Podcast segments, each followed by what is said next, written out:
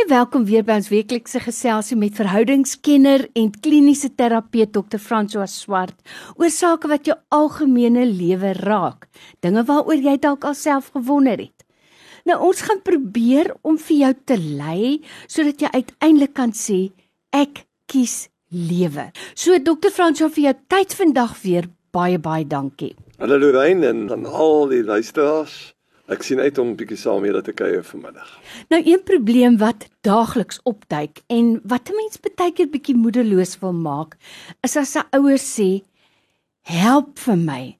My kind is middelafhanklik. Dit skeur ons hele gesin uitmekaar." Ek het nou die dag selfs 'n WhatsApp gekry van 'n jong man wat sê: "Ek is die enigste een in ons hele huis wat nie tik nie. Ek kan dit nie meer hanteer nie. Ek voel lus om weg te hardloop." So dit gaan oor middelafhanklikheid. En nou moet 'n mens vir jouself vra, waarom doen mense dit? So kom ons begin by die begin. Wat is middelafhanklikheid en hoekom doen mense dit? Rein baie dankie vir die vraag. Veral hier in die Kaap, ons dink aan bende geweld, ons dink aan armoede, Ons dink aan jong kinders wat nie weet wat om met hulle tyd aan te vang nie. Middelafhanklikheid of substansafhanklikheid soos wat dit ook in die literatuur bekend staan. Dink ek is eintlik is ons almal op 'n manier van 'n middelafhanklik. Kom ons begin eers. Ons dink maar altyd eers aan alkohol. Uh dit is die groot ding en dit word dan gestigmatiseer. En selfs uh, binne die Bybel weet ons dat alkohol misbruik word ook op 'n sekere manier hanteer. Mm. Dis ons moet mooi praat met mekaar hieroor. Dan tik soos wat jy genoem het, maar die interessantheid net op 'n ligte noot, die grootste middelafhanklikheid wat ons het op die aardbol op die oomblik en wat 'n geweldige uitwerking het op ons gesondheid is natuurlik suiker. Mm. Suiker speel 'n geweldige rol in diabetes 2 wat ons weet. Maar waaroor ons hier praat is goed soos tik en kokain mm. en cannabis, dagga mm. wat ons kinders gebruik. Nou wat 'n mens maar moet weet, baie keer is daar 'n gesprek wat aan die gang moet kom rondom hoe goed gaan dit in die gesin? Hoe goed gaan dit in die huwelik? Want daar is 'n klompie redes wat baie keer 'n teelaarde is vir middelafhanklikheid.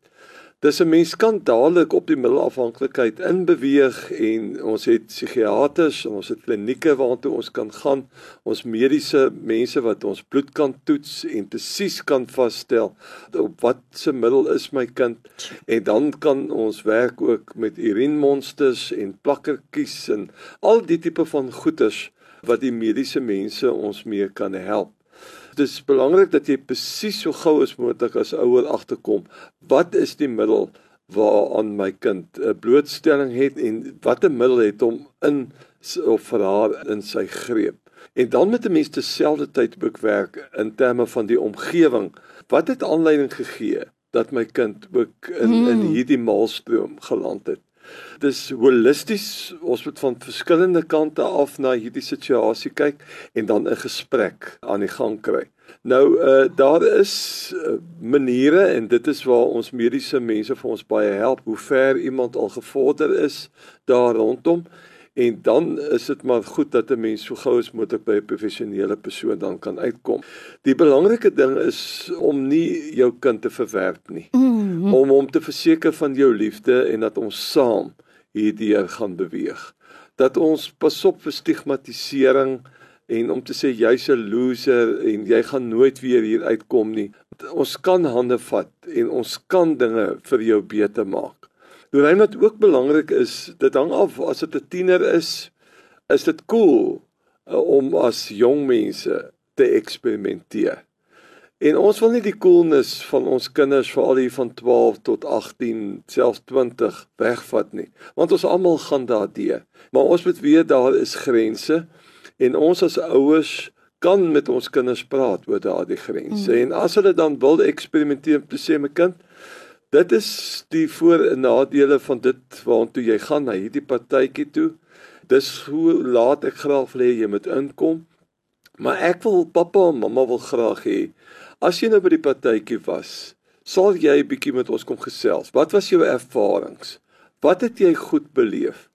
Ons as ouers moenie net negatief deurkom mm. nie. Want die kinders aanmoedig om te gaan ontdek.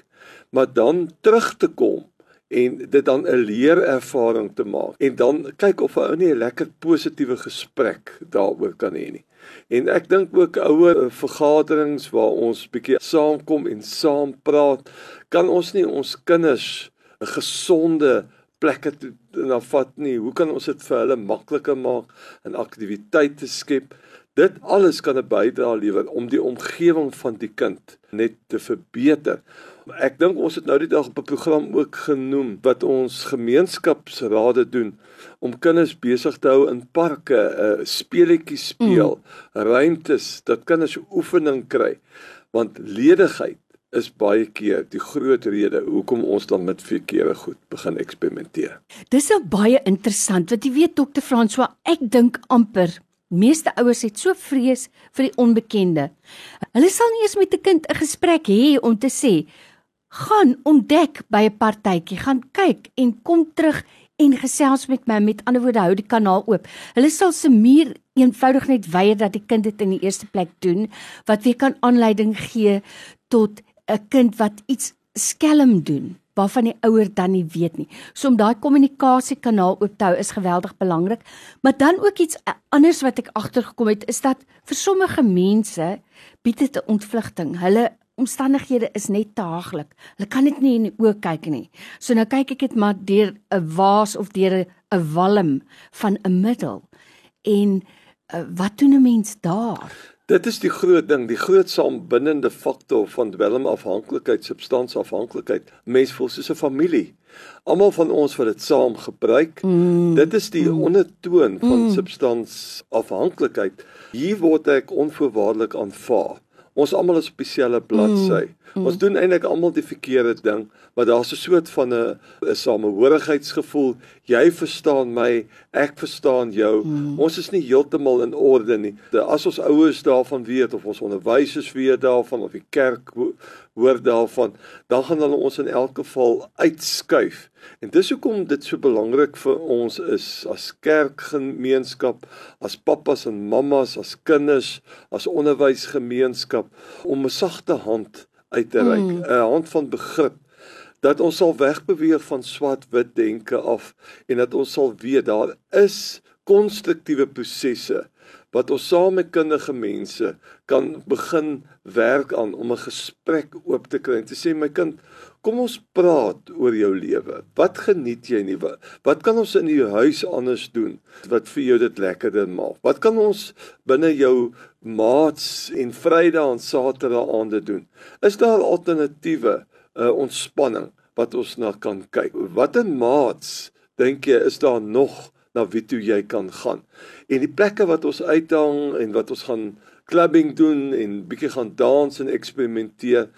Ons moet kyk as ouers of ons die plekke kan identifiseer waar ons kan toesig hou ook mm. oor ons kinders. Mm. Maar die groot ding is wat ek hoor maar ook by jou wat jy ook hoor is 'n mens moet die kanaal oophou.